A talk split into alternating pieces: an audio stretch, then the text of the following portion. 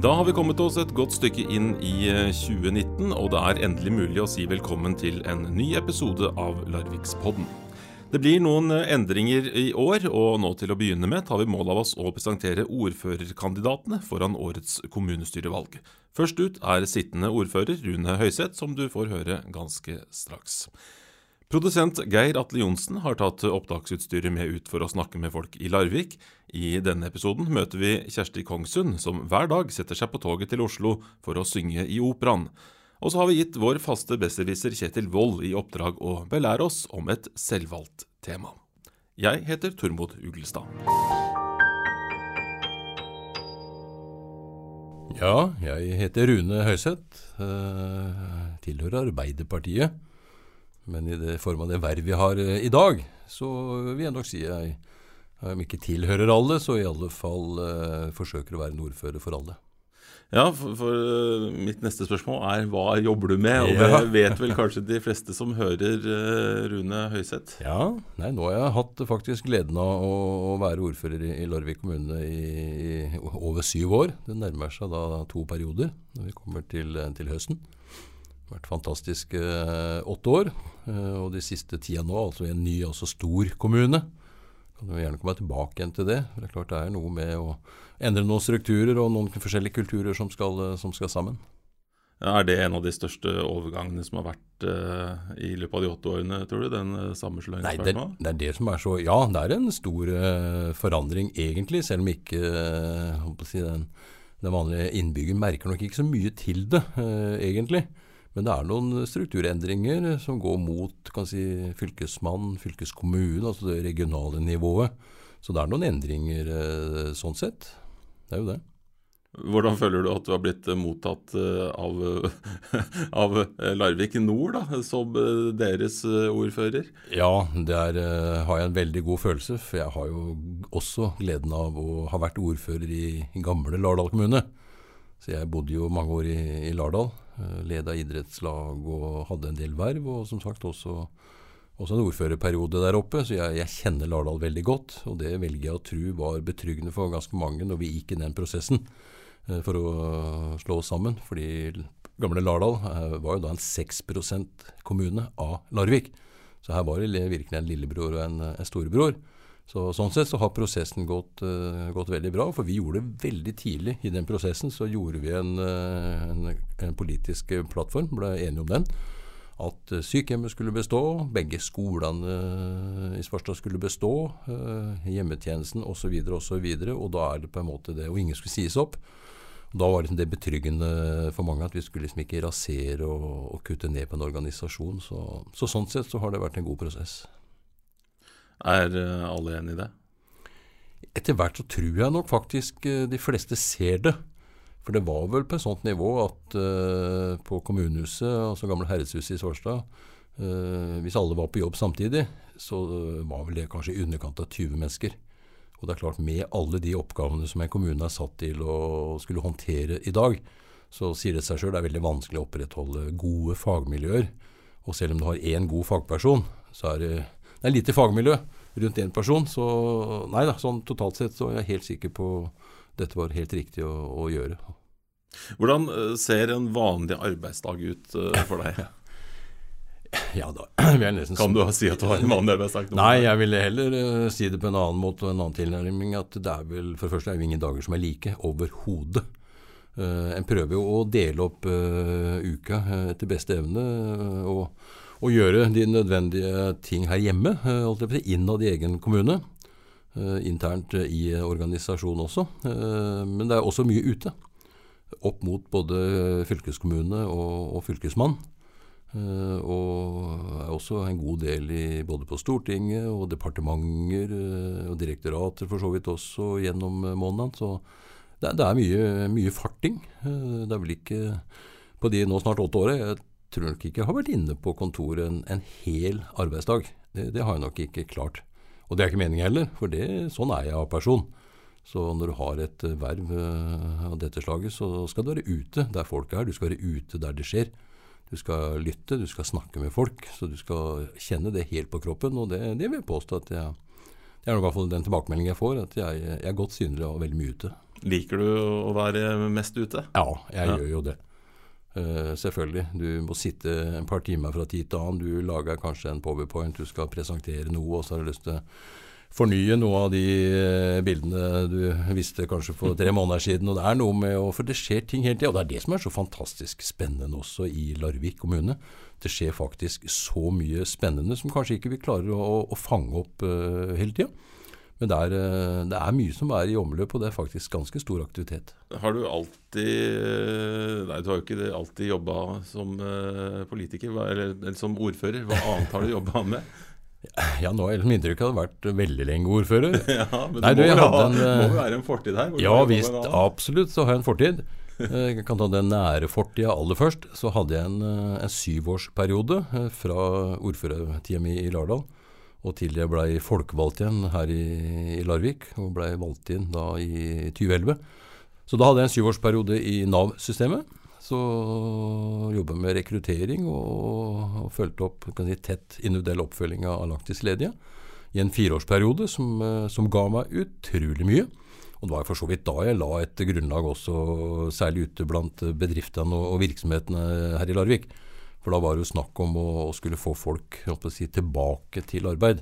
Eh, og hadde ute ganske mange på både praksisplasser og hospitering, og fulgte da meget tett opp. Så da, da ble jeg ganske godt kjent med, med bedriftene her. Noe jeg hadde hatt veldig nytte av, altså forhåpentligvis da altså litt gjensidig nytte av eh, i ettertid, i det vervet vi har nå. Så sånn sett så, så kjenner jeg godt, eh, godt Larvik. Og tida før det igjen, altså før ordførertida mi, så var jeg 13 år på Steni, på Berjanmoen i, i Lardal. Og 13 år, det er jo en god del av et arbeidsliv, sånn sett. Så der der? la jeg også ned mye. Der var jeg alltid fra reparatør eh, i en periode, på den mekaniske sida. Eh, og så fikk jeg et oppdrag fra ledelsen, husker jeg, å bygge opp en eh, manuell avdeling. For i starten så leverte Steni kun kan si, fasadeplater. Eh, men eh, ja, etter hvert som ting utvikla seg, så er det jo du skal rundt et hjørne. Ja, hvorfor ikke lage hjørneelementer? Hvorfor ikke lage gesimser og ene med det andre? Så Ja, Sånn Savner du å jobbe så- med sånne mer konkrete ting? Nei, ja, det er jo det Jeg kompenserer vel når jeg er hjemme, tenker jeg. For uh, vi har nå igjen hatt et sånn tiårsprosjekt, uh, et husprosjekt hjemme. Nå er, vi, nå er vi veldig nærme. Nå er for så vidt uh, restaureringa ferdig, og vi har jobba oss utover gårdsplassen, og det kom opp to Larvikit-portstolper nå i, i fjor høst, så nå er jeg snart ferdig med det prosjektet. Så ja da, jeg snekrer og murer, og jeg kobler av da. Jeg liker det. Liker det. Men nå eh, er det viktig for deg, å, tror du, at du må jobbe med noe eh, Kall det samfunnsnyttig, da, med tanke på den, med det du jobba med i Nav og nå i Ja. ordførerværet. Er, er det noe som eh, driver deg, på en måte? Ja da, det er jo det. Det er ingen tvil. For det er klart, Nå er du med på å kunne legge noen premisser. Og selv om liksom det offentlige systemet er jo sånn at vi En blir ofte beskyldt at vi må ha planer for allting. Overordna samfunnsplaner, som igjen har noen temaplaner, som er noen tiltak og handlingsplaner. Men systemet vi, vi må faktisk ha et eh, system på det. For vi kan ta Larvik, sånn middels uh, stor kommune. si, er vel 13.-14. største kommune i landet, men uansett. 47 000 mennesker, 4000 ansatte, skal levere ganske mange tjenester eh, til mennesker fra vugge til grav. Så vi må på en måte ha et, eh, et system også, og, og så må man være litt tålmodig. For det er klart ting som jeg kanskje jeg vet jeg var med å sette i gang for kanskje fire år tilbake, begynner jo å se resultater og effekten av nå, uten å lage noe politisk poeng ut av det. Men faktisk det offentlige fra tid til annen så er det ting som tar litt tid, og ting må modnes, og, og ting må sette seg. Så, men ja, på spørsmålet så er det nok noe av det som er med å, å drive med, for du har muligheter til å også hjelpe folk i en hverdag. Når er du født? 58. Uh, hva slags utdannelse har du? Du, jeg starta Jeg rakk bare et år på yrkesskolen, Uh, maskin- og mekanikerlinja, før jeg For da jeg ville til sjøs. Så jeg Ja. reiste faktisk eh, til sjøs uh, ganske ung, eh, sånn sett, og var ute i ja, fire år cirka. Eh, Hvor, eh, hvor til sjøs var du da? Ja, nei, det var på Jeg var heldig, for jeg har vel de fire båtene. Det var eh, alltid fra Stykkots, en gammel Stykkotsbåt, den første. Og så eh, var det en gasstanker, og så var det en svær bulkbåt som gikk med korn eh, mellom Rotterdam og Nylins. Og siste en vanlig tankbåt, som jeg har vel prøvd de hovedsjangrene som er til sjøs, og da var vi over eh, Jeg har prøvd all, all si, internasjonal fart. Så det var, eh, det var greit å komme ut i ung alder og, og se verden, faktisk. Også, og se også fattigdommen og elendigheten den gang. For nå prata vi om eh, midten av 70-tallet, for jeg reiste vel ut da i 75. Og ble i marinen da etterpå. Nei, så en del både kurser, så sånn Ikke mye formalkompetanse, så det er vel mer den realkompetansen han har greid å ta med seg gjennom åra. Selv om jeg kan skilte med noen studiepoeng med, med, coaching og relasjonsledelse og den type ting. Men ikke noe sånn mer formal uh, utdannelse uh, enn det en har opparbeida seg uh, sånn realmessig gjennom åra. Mm. Hvor vokste du opp, da? Du, jeg er Opprinnelig så er jeg Siljan-gutt. Siljan? Ja, absolutt. Telemarking. Det passer jo fint nå når vi skal ja. slå sammen Vestfold og, og, Telemark. Nei, du, jeg ja da, hadde kan si, skolen og den første oppveksten i, i Siljan. Så reiste jeg til sjøs, og så etter da 15 måneder i marinen også, etter sjølivet, så ble det faktisk Sandefjord Aha. som nygift. Og da ble det Sandefjord. Og det var jo en herlig tid. Jeg jobba på Det var før uh, det, dagens ordfører? da. da. Det, da var det godt å være høyset i Sandefjord? Nemlig. Da var det godt å være høyset i Sandefjord. Jeg har, uh, jeg har nok minnet Bjørn Ole om at jeg har bodd i Sandefjord. For jeg hadde snekker liggende, for da jobba jeg ute på Vera fabrikker, som den gang var en del av Jotun-konsernet. Og bodde ganske sentralt og hadde ei åpen tresnekker liggende. Og det var liksom en, en god tid av, av, av, livet, det. Før vi reiste opp til, til Lardal og, og, hadde også mange flotte år i, i Lardal. Mm. Hva, hva, tenkte du at du skulle bli eh, når du ble stor? Nei, ja, si det, du. Ja, nei, det Jeg tror nok ikke mye tilfeldigheter det han har vært med på. Men ordfører Så, tenkte du kanskje ikke som liten Siljan-gutt at du nei, skulle bli? Nei, en var jo ikke det. For det er klart, en, ikke du er involvert i noe sånn direkte daglig, så du, en, folk tenker ikke over det. Nei. Og jeg møter jo også folk uh, i dag som egentlig ikke reflekterer så mye over og egentlig ja, veit hva det innebærer å, å ha et ordførerverv. Uh, sånn sett. Uh, ja, kommunens øverste, ja absolutt. arbeidsgiveransvaret overfor rådmann, men selvfølgelig da også på vegne av kommunestyret. Så det er jo liksom et folkevalgt styringsnivå. det er liksom det er jo for det første en god måte å, å styre på. Å ha et folkestyre, altså et folkevalgt styre. Ja, Det tror jeg de fleste er enige om. Men det er også krevende. Men er, ja, et demokrati, og vi skal hegne om demokratiet og ta vare på det. Men det er også krevende til tider. For det er klart det er, du skal, du skal holdt på å si, la alle eh, få lov til å komme til. Og da om det er et lite parti eller om det er et stort parti, så skal du, det er i hvert fall min, min holdning, at du, da, du skal forsøke å ikke forskjellsbehandle noe. Ja, du må jo også si jeg syns du er flink til å komme med noen slengbemerkninger da, fra, fra ja. hvor du sitter og leder kommunestyrebøtene. Du følger, ja, du følger har, såpass med. Ja, ja men det likte jeg. Det, For det er noen ganger jeg syns det passer veldig greit. Og så er det ja, hvor mye Hvor langt kan jeg gå? Ja. Men som regel så blir det humring. Og litt sånn smålatter. Har du opplevd at noen har blitt såra av noe du har sagt? Nei, og da hadde jeg blitt lei meg, for det er jo ikke meninga. Det er jo absolutt ikke meninga. Men det er jo liksom For noen ganger, og det er klart, i noen saker så er det følelser også. Og alle, og det er det som er så spennende ute blant uh, folkevalgte. Det er liksom hvem uh, Ja, hvorfor er du folkevalgt? Mange har forskjellig agenda, vet du. Og det er jo enda godt, det også. Noen brenner skikkelig for de og de sakene. Mens andre er mer på det jevne og har, en helt annen holdning og agenda. Og det er det som gjør liksom mangfoldet så stort også. Så klart, hvis du sier noe da som uh, sårer noen, så er det klart da, da hadde jeg blitt lei meg, for det er jo ikke meninga. Selvfølgelig ikke. Når ble du interessert i politikk? Nei, Jeg har vel alltid vært eh, Jeg var liksom ikke noe AUF-er, det, det, var jeg ikke. Men eh, jeg har jo alltid fulgt med. Jeg har jo det. Men jeg lurer på det som egentlig fikk meg til å engasjere meg litt ekstra. Det var faktisk i ja, tidlig i Lardal-tida mi, jeg var aktiv i idrettslaget der oppe. Og det var et eller annet som idrettslaget hadde søkt kommunen om. Jeg, nå, jeg skal være ærlig, jeg husker ikke hva. Det begynner å bli ganske lenge siden. Men som, eh, hvor vi fikk nei. Og jeg tenkte med meg sjøl det, det syns jeg ikke var greit. Søren heller, hvorfor fikk vi nei til det som jeg mente var helt logisk eh, burde vært ja, sånn og sånn. Og da var det vel en blant annet som sa til meg at eh, ja, nei, skal du ha muligheten til å påvirke, så for å komme deg på ei liste og, og komme deg inn i kommunestyret, så har du i hvert fall lettere for å påvirke. Så det var faktisk med. Det kan jeg huske. Det var litt sånn, sånn litt avgjørende drivkraft. Ja, hvor lang tid tok det fra det til du ble med, da? Nei, det kan jeg ikke huske. Men det var nok av, en av grunnene til at jeg gjorde meg valgbar. For det er klart, eh, da har du muligheten til å være med og En ting er å ta et samfunnsoppdrag, men da har du muligheten til å være med og, og ta styringa og være med å påvirke da, i ønska retning. En ting som er med, altså Når man er med et, i et eh, politisk parti, da, ikke bare står og snakker for seg sjøl, så, så hender det jo, eh, registrerer jeg, at eh, man må stå for en sak man kanskje egentlig ikke er helt eh, enig i selv. Hvordan, hvordan er det å, å, argumentere for en sak man kanskje egentlig ikke er helt uh, enig i?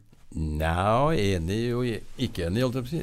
Nei, Det som er min tilnærming til det, er jo at uh, hvis det er et flertall for noe, mm. ja, da må vi akseptere det flertallet, faktisk. For da er det er demokratiet. Så Hvis jeg også er trygg på at det her har det vært uh, i hvert fall sånn, Hvis jeg er på en politisk sak som er til behandling, Uh, en stoler jo selvfølgelig utgangspunktet på saksbehandlinga at det er rett opplysninger som framgår og, det, framgår, og det har vært en ryddig prosess. Så liksom hvis alle de tinga der er på en måte på plass, og jeg føler meg trygg på at det, at det her er et flertall som vil noe, med, med begrunnelse, så må jeg bare akseptere det. Mm. Så ja, nei, alt annet ville vært uh, feil. Selv om en prøver jo da på en ordentlig måte å kanskje jobbe for noe annet. Du, du, du, fikk vel litt eh, kritikk, husker jeg, for eh, da du gikk vel imot eh, egen gruppe når det gjaldt eh, Grand-kvartalet, gjør du ikke det? Jo da. Ja, jeg, hvordan, hvordan, var det? Hva, hva tenkte nei, du da? Nei, det er ugreit. Det er, ja, nei, jeg, det, jeg har snakka med både styre og medlemsmøte mer enn én en gang etterpå.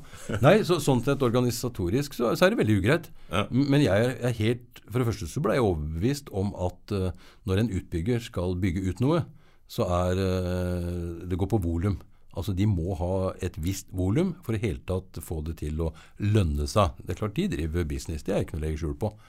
Og, på, og da på tampen, når det sto mellom uh, syv eller åtte etasjer For jeg mente at uh, den prosessen var så grundig belyst gjennom mange, mange år. Og det har vært mange endringer også i Grand-kvartalet i den prosessen. Så når det kom til helga og det sto mellom syv og åtte etasjer, Uh, og Da tenkte jeg at det, det, er ikke mye ideologi om vi skal ha syv eller åtte etasjer. Ja. Altså, tror, tror du vil oppleve en sånn Grand Kvartal-sak igjen? Nei. Du, Nei, jeg lærte mye. Ja, ja. Du, du, du, du syns det var feil på en måte at du gjorde det? Ja, ja da, ja da, for det sånn rent organisatorisk. Mm. Så ja da, nei, det har jeg sagt innrømt at det, det har noe med også at er en gruppe. Og øh, kommunestyregruppa vår er jo rimelig stor. Mm. Så det er noe med å holde ei gruppe samla. Men der var jeg så overbevist, og var, det var så mye som var i spill. Så jeg var litt veldig usikker på hva kan si, hele saken ville ende opp med. Mm. Men det kan jeg love at det, det kommer ikke til å gjenta seg. Men det er det som er litt ålreit uh, òg, at uh, uansett er det en som snubler i en eller annen sak, ja. og prøver å reise seg, så er det greit å hjelpe ham opp, tenker jeg. da, Ikke, ikke la ham ligge nede. Så da, nei da, så uh, det må være historie. Du eh, var litt inne på det i stad, eh, og det har vært snakka om også eh, flere ganger med liksom tonen i kommunestyresalen. Og av og til så tenker jeg at Da tenker jeg ikke på dine bemerkninger som jeg snakka om i stad, men av og til så er det så fremstår det veldig, veldig, veldig skarpt. Og, og, mellom de ulike, altså hvordan de snakker om hverandre. Hva tenker du om, om tonen i, ja. i, i de møt, på de møtene? Ja, Det er i hvert fall for det første veldig viktig at jeg får en tilbakemelding på uh, de som ser. Nå blir jo kommunestyrene streama også, så både de som enten hører da eller ser, ja. og oppfatter det på den måten, så er det viktig at jeg, at jeg, får en tilbakemelding på det. For veldig ofte, så jeg for min del òg, uh, eh, opplever det faktisk ikke som nødvendigvis veldig skarpt. Det er klart, er det en som går over streken, så da, da, da bruker jeg klubba. Det, det skulle bare mangle. Selv om terskelen er for så vidt ganske høy, for det skal være en arena for å, å lufte ut, så lenge en er på sak og ikke person. Men klimaet er faktisk ganske bra, og det er det mange mange som sier. Altså sånn generelt på folkevalgte. For det er klart Vi har jo masse møter utenom kommunestyret. Ja, ja. Enten det er komitémøter, rådsmøter og formannskap. og vi har veldig, veldig mange, Det er mye møtevirksomhet. Så klima generelt er for så vidt ganske bra, selv om en og annen fra tid til annen også eh, skjærer litt ut. Men da mm. får vi prøve å få spore oss inn igjen. Opplever du deg selv som en samlende figur? Jeg prøver, ja. Mm. Jeg prøver. Og det som jeg sa i stad også, at en, det med å respektere andre, enten det er fra et annet parti eller eh, si, lag av, av innbyggerne våre, så, så mener jeg det. Hvordan tror du velgerne oppfatter det? Det får vi jo se til høsten igjen. Da er det vel er det nok en gang velgernes dom, sånn sett. Og uh, Greit med også personstemmer i både 11 og, og 15, og nå er det spennende da i, i 19. Er det viktig for deg å få rett? Nei. Nei, nei det syns jeg ikke. Å nei, jeg kan ta feil. Absolutt. Og da Jeg vil jo gjerne sjekke ut den andres påstand, da. Men, ja. ja. for all del. Jeg liker å, å være trygg på det. Å ja, nei, jeg kan ta feil. Absolutt. Har du tatt feil ofte? Hæ? Nei, det, jeg kan ikke komme på noe sånn direkte at en tar, tar direkte feil. Nei. Er du, er du, flinkere til å kjøre bil enn de fleste andre? jeg, er, jeg, er, født og oppvokst i bil. Nå skal ikke jeg si nå hvor gammel jeg var når jeg begynte å kjøre bil, men uh, uansett. Nei, det er bil. Uh, jeg har alltid vært uh, glad i bil, vet du. Og, og Volvo, ikke minst. Nei, du, jeg kjører sånn helt, helt vanlig. Ja. Men hva blir den viktigste saken i Larvik i, i den perioden som kommer? Ja, det er Det høres kanskje byråkratisk og kjedelig ut, men for det første så begynner vi å nå å revidere, som det så fint heter, altså de planene våre. Det er, for å si enkelt, jeg kaller det sånn kommunedelplan Larvik, men det er altså byplan Larvik og byplan Stavern. Arealplan, som gjelder for hele kommunen, og ikke minst kommunedelplan Stokke-Larvik, som er altså intercity. Så de, for å ta de fire planprosessene mm. eh, Nå skal intercity forhåpentligvis eh, lande eh, plan, og reguleringa går jo videre. Men den eh, vedtaket håper jeg vi lander i juni. Uh, kommuneplan samfunnsdel jobber vi nå først med, som skal legge altså noen sånn hovedføringer på hva er hovedsatsingsområdene til Larvik kommune de neste åra. Mm. Og så blir liksom de andre planene laga ut derfra. Så i løpet av et uh, halvannet år nå, kanskje borti to år òg, uh, så skal jo alle de planene være ferdige og vedtatt. Og det er klart det legger grunnlaget for de neste åtte-ti åra, faktisk. Og det er det som er viktig også for, eh, for eh, ikke bare innbyggere, og eiendomsutviklere, næringsdrivende. Det er forutsigbarhet. Så målet igjen nå er at de planene om ett til to år blir vedtatt, når de blir vedtatt, at de skal være så gode og så forutsigbare at det er, det er bra virkemiddel også for næringslivet. faktisk. Vi, vi, kan ikke risikere å, å, snu opp ned på ting hvert fjerde år. Mm. Eh, alt etter skiftende regime og sånn og sånn, og, det, og det gjør vi heller ikke. Vi er Såpass bevisste er vi. Nei, så Det er uh, de store beslutningene og godt grunnlag for vekst og utvikling i åra framover. Det er som sagt de, de planprosessene vi har nå. Plan, ja, planprosesser, det er, du, ja. det er, jo ikke veldig uh, La oss kalle det sexy, da. Nei, uh, hva, jeg, men så hva tror, du folk kommer til, hva tror du vi kommer til å snakke om i august og september i år? Altså, Hva er det, Nei, det er jo, hva, som, hva, som, hva ja. tror du blir saken, liksom? Nei, Nå er det jo jernbane. Ja. Det er jo jernbane som men, men, opptar oss mye. Men tror du ikke den ferdig før Jo, det er det jeg håper. At vi kan lande den i juni. At da gjør vi et, et vedtak. Så hva skal vi snakke om etter jernbanen? Og så jobber vi videre. Da kan vi snakke om uh, vår utrolig flotte beliggenhet, sånn rent geografisk også. For vi blir jo et nytt fylke uh, fra 2020, altså Vestfold-Telemark. Ja.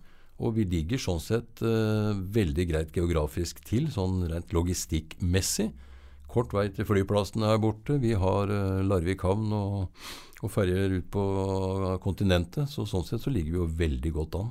Altså helt inntil E18, gitt. Ikke minst. Ja, du hjalp meg der. Ikke minst. Nei, og det, og det merka vi faktisk eh, allerede. altså Da vi fullførte firefelten på E18 her nå. Ny, flott bru over Farriseidet og, og, videre vestover på E18-sammenheng. Og ikke minst dobbeltspor Larvik-Porsgrunn. Tolv minutter. Altså det, vi merker vi kommer mye tettere også på Grenland. Så samhandling, eh, et felles eh, arbeidsmarked, ja, for all del. Men uh, vi trenger også arbeidsplasser og, og næring her hos oss. Hvis du tenker, eh, tenker, deg Larvik om eh, ja, skal vi si, eh, ja, si 2032, da, for bare ta et årstall. Hvordan ser Larvik ut da? Ja, da skal jo en eller annen klippe ei snor, da. Ja, da skal dobbeltsporet Det blir ikke deg? Nei, det gjør jeg ikke. Jeg, det kan jeg vel si i 32. Nei, for det har noe med Bare ta sånn for egen person For eh, det er jo såpass krevende at uh, Nå skal ikke jeg si det er riktig og, at det holder måte, Nei. men liksom med maks tolv år For det er klart, du, du skal være foroverlent. Du, liksom ikke, du, kan ikke lene deg tilbake og si at ting er greit og det blir som det blir. Du er hele tida nødt til å være liksom, skrittet foran. Mm. Så Det er liksom en grense hvor lenge et menneske klarer å holde det tempoet, tenker jeg.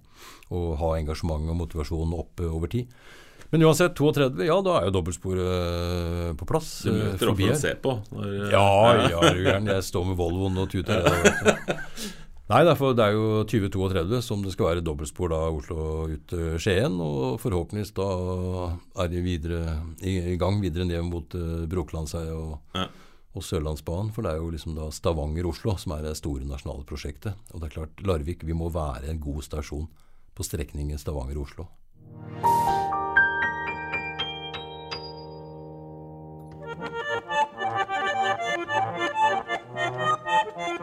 Ok, da har jeg fått besøk av eh, produsent eh, Geir Atle Johnsen i studio. Ja. Og vår faste besserwisser eh, Kjetil Wold som skal belære oss om et nytt tema i dag. Og, og hva har du lyst til å, å dosere om, Kjetil?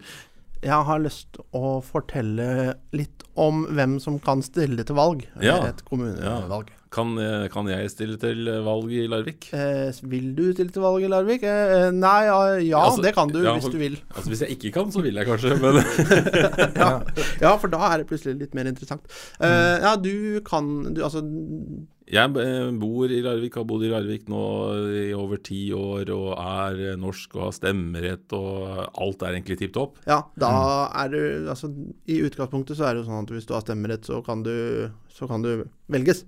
Eh, men du må ha bodd der i, over, i, Norge i over tre år. Og så må ja. du være bosatt i kommunen. Ja. Men, øh, jeg bor i Larvik, og så er jeg halvt engelsk og halvt nordlending. Mm. Kan jeg stille til, til, valg da? Ja, altså hvis du, Det med nordlending er jo helt åpenbart at du kan, hvis du ser på Stortinget. De er jo voldsomt stort representert der. Ja. Men i kommunen så er det også sånn. Eh, det er samme hvor du Er det veldig fra. mange nordlendinger i, i, kommunestyret, ser du? Nei, det satt jeg faktisk og tenkte på eh, satt jeg faktisk og tenkte på tidligere. Da var det hvilke dialekter som var der. Ja. Og den eneste dialekten jeg kom på der, er jo en sørlending fra KrF, og så en, eh, en svenske fra Venstre. Det er strengt tatt ja, ikke en dialekt, da. En, en, ja, det er vel en dialekt blitt, kanskje. Men, men eh, kunne du kjørt nordlandsdialekt, Gratle, så, så, ville jo det vært et pluss, da. Ja, det er klart at vi kan prate litt sånn nordlending. Det ja. kan jo så bidra litt. Så bør Geir Atle stille til valg da, tenker du? Eh, ja, det hadde jo vært, gjort det litt mer fargerikt. Men vi har ikke noe, jeg tror ikke det er noen kvote eller noe sånt som du kommer inn på.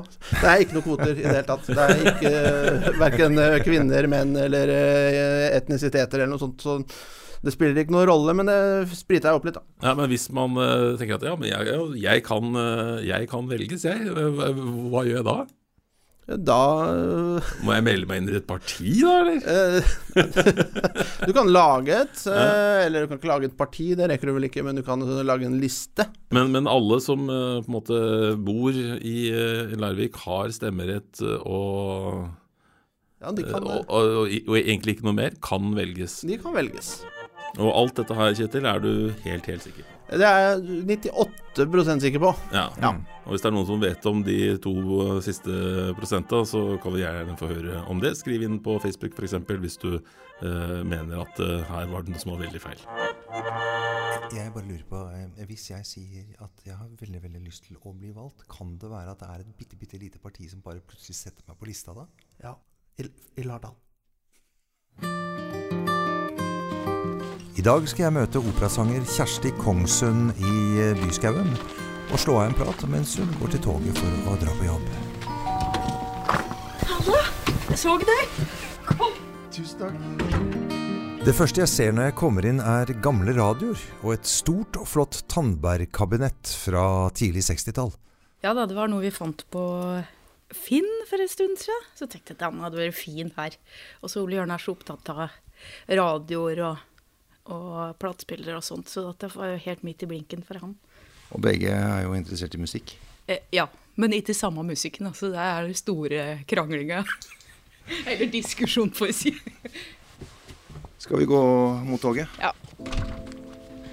Vi var sammen i mange år før jeg fant ut at jeg skulle flytte hit, men uh, dattera mi eh, flytta hjemmefra, så jeg, kjente jeg liksom at jeg hadde blitt så voksen at jeg var litt ferdig med, med Oslo. Jeg bodde de siste åra på Grünerløkka. var eh, for meg så ble det litt mye party der. Altså lengta litt etter stillhet, kanskje. Det um, er lettere å finne i Larvik. Men innenfor husets fire vegger er det ikke alltid stille. Nei, nå, nå har jeg fått gjennomført et prosjekt, så vi har fått uh, lydisolert studio nede i kjelleren, så nå kan han bare sitte og spille på trommene sine som i Norge. jeg hører det jo, men det er ikke sjenerende, da. Så er det fint, for han spiller jo i en del band da, som øver i kjelleren der. Så hender det seg at jeg blir så provosert noen ganger. Uh, så jeg kommer flygende ned sier 'Nå må dere synge reint!' da ber jeg litt om unnskyldning etterpå. Du er jo sanger. Hvordan startet det egentlig? Hvorfor, hvorfor ble det den veien? Nei, jeg tenker alltid jeg visste, jeg. Ja. Jeg hadde til og med en periode som jeg prøvde å ikke bli det. Og da hadde jeg det helt forferdelig. Så jeg Nei, helt siden jeg var, var unge, så har jeg visst at eh, det eneste jeg hadde lyst til å gjøre, var å bli sanger. Og jeg har alltid vært veldig opptatt av klassisk musikk. Så ja. Det var ikke sånn at jeg planla at jeg skulle bli operasanger, liksom, men uh, måtte synge, ja. De fleste sangere jobber frilans, men uh, ikke Kjersti. Uh, så jeg er ansatt som sanger på operaen i koret. Og vi er sånn litt over 50 fast ansatte sangere der. Ja. Så for så vidt så er jo når du er utdanna innen klassisk eh, musikk, så er jo operaen kanskje nesten eneste sted i Norge du kan få fast jobb da, som utøver. Så eh, jeg har alltid hatt lyst til å synge, men det har ikke vært så viktig for meg å være den som sto fremst på scenen. Og så har jeg vært eh, alenemor i perioder, hatt behov for fast inntekt, ikke sant. Så, så det også være i et kor da, og, og ikke føle at en liksom står i fremste rekke for å måtte prestere hele tida. Det har passa meg bra. Å si ja til mann og ja til flytting til Larvik betød vel også et ja til et pendlerliv? Ja da. Men jeg er ganske tilpasningsdyktig, ja. tror jeg sjøl. I hvert fall. Nei da, men det har gått bra. Jeg har jo pendla siden 2012. Så det er jo noen år. Jeg har ikke tenkt at det er helt forferdelig, liksom. Jeg tenker at det går bra. Så jeg sitter på tog og og ofte så sitter jeg og pugger sånne ting som jeg må gjøre, for det er tekster jeg skal lære meg utenat. Ja. Så sitter jeg og hører på musikk, og hvis jeg har tid til det, sitter jeg og hører på lydbøker og strikker. Jeg hadde faktisk eh, julemarked på garderoben, så jeg fikk solgt alt jeg hadde strikka. altså litt ekstra penger før jul, da. Men jeg har sikkert brukt opp alt i går natt etterpå, så det spiller ingen rolle. Men jeg er litt hekta på strikking. Men eh, ikke noe sangoppvarming på toget? Ja, så jeg prøvde på stillevogna. For da var jeg eneste som satt der, da. Så det har hendt seg at jeg har sunget mellom Larvik og Sandfjord. Men eh, da har jeg reist på sånne tidspunkt som, eh, som det ikke er så mange andre som drar. Jeg lurer på hvordan en helt vanlig arbeidsdag eh, er for Kjersti. Det er ofte jeg står opp sånn eh, eh, halv sju. Eh, og så tar jeg halv åtte-toget. Så starter vi gjerne prøve klokka ti. Eh, så har jeg da kanskje prøve fra ti til ett. Eh, så da varierer det om jeg skal sitte på korsalen og bare synge sammen med koret, eller om vi har kommet videre i prosessen, sånn at vi har begynt med regiprøver. Så denne uka her så har jeg holdt på med regiprøver på dagtid. Og da er dere på hovedscenen? Nei, da er vi på prøvesal én med regiprøver. Eh, fordi på hovedscenen så har de et annet stykke som har regiprøver, og en annen, annen forestilling på kvelden. Med sangstemme som instrument må man ta sine forholdsregler. Ja, jeg pleier som regel å ha jeg da, kanskje i snitt tre fraværsdager i året, liksom. Så det gjelder liksom å tenke gjennom hvordan en lever og hva en bruker kreftene sine på, da. Men, øh, men jeg er flink til å hive innpå med ingefær med en gang jeg kjenner det klør litt i hersen.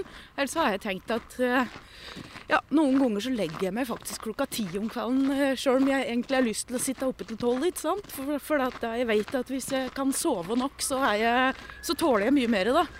Så for stemmen sin del så er nok søvn altså noe av det viktigste. Eh, men også da så eh, sortere ut hva slags tanker en går og gnager på hele tida.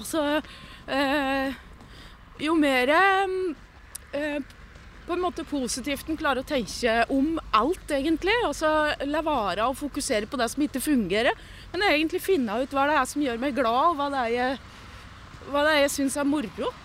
Å bruke fritida mi på det som er moro. Så, så jeg, det er mannen min som vasker hjemme, skjønner du. Nei, det er ikke til. En relevant jobb som operasanger finnes vel ikke i Larvik? Nei, det er litt dumt, da. I hvert fall ikke som utøvende sanger. Sant? Så er jo jeg er jo også utdanna sangpedagog og har undervist på videregående skole før jeg begynte på operaen. Så, men, men, det er ikke det som frister. Så jeg er skikkelig hekta på å kle meg ut og komme på scenen. Det hørtes litt dumt ut, men, men, ja, det er hele pakka da, det vi gjør på operaen som, er, som jeg syns er kjempeartig. Og som Ja. Så jeg tenker vel at uh, jeg skal gjøre noen av de tinga når jeg må gå av med pensjon på operaen. For hvis de ikke forandrer den uh, pensjonsavtalen, uh, så må jo jeg slutte der om fem år. Ja, for Vi kan høre på, på dialekta di at du er, du er ikke femtegenerasjons nei, nei, jeg er jo fra Hedmarken, jeg. Men uh, jeg har nok bodd aller lengst i Oslo. Men uh, jeg har bare bestemt meg for at jeg Jeg har alltid hatt ganske sterkt forhold til språket mitt. Og humoren og alt sammen er på en måte bygd opp på språket, så syns jeg var så veldig kunstig å drive og legge om det bare for at eh, Ja, nei, så da ble det slik, da. Så da Ja. Hedmarkinger med skikkelig dialekt blir stort sett veldig godt mottatt overalt. Så det, mye, det er mye positivt med å prate dialekt.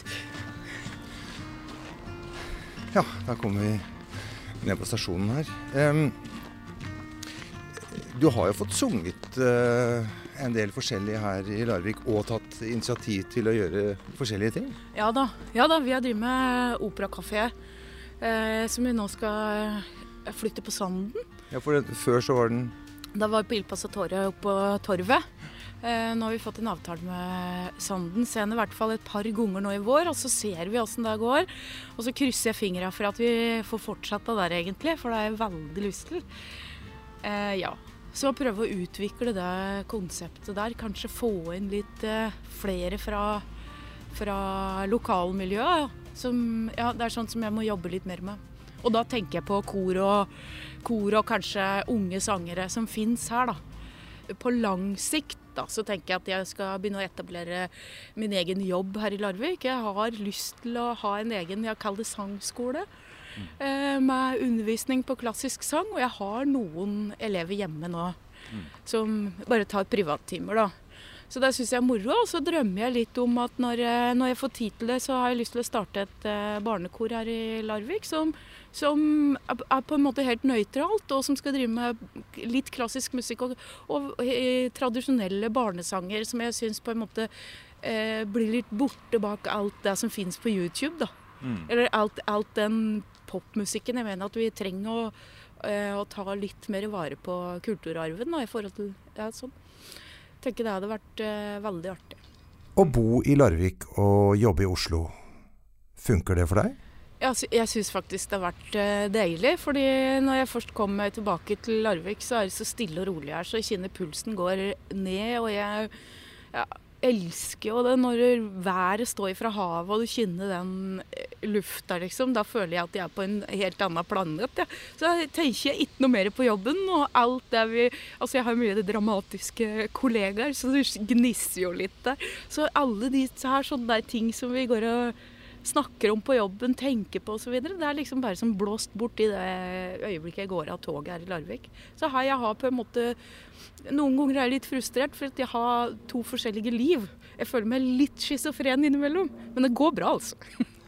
Hva kommer til å skje i dag når du kommer på jobb? Ja, I dag har jeg bare forestilling på kvelden. Jeg skal bare til Oslo og være litt barnevakt først. Og så Jeg har jo barnebarn. Ja da. En gutt på ett år. Så jeg skal passe han litt først, og så skal jeg på arbeid etterpå. Eh, da blir det rett i sminka for å få på parykk. Og så eh, Da skal jeg være der til klokka kvart over seks, og så er det egentlig full rulle til forestillingen er over. For det er en forestilling vi er mye med i. Så ja. ja. Her kommer toget. Her kommer toget. Dette, er- dette er favorittvogna mi, da. Og den Ja. plassen der pleier jeg ofte å ta. Så den skal jeg ta nå, da. Men du, da sier jeg bare tusen takk for ja, Bare hyggelig. praten. Hyggelig. Og så får du ha god tur og en fin dag på jobben. Takk for det i like måte. Ha det. Ha det.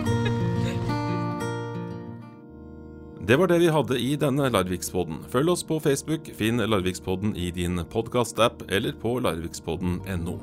30. januar er det klart for Larvikspodden live igjen, og i år er det onsdag som gjelder. I Blåboks på Bølgen klokka 20.00 skal vi snakke om æresborgere. Ansvarlig for podkasten er Geir Atle Johnsen, og podkasten produseres av Virvel AS. Jeg heter Tormod Ukelstad.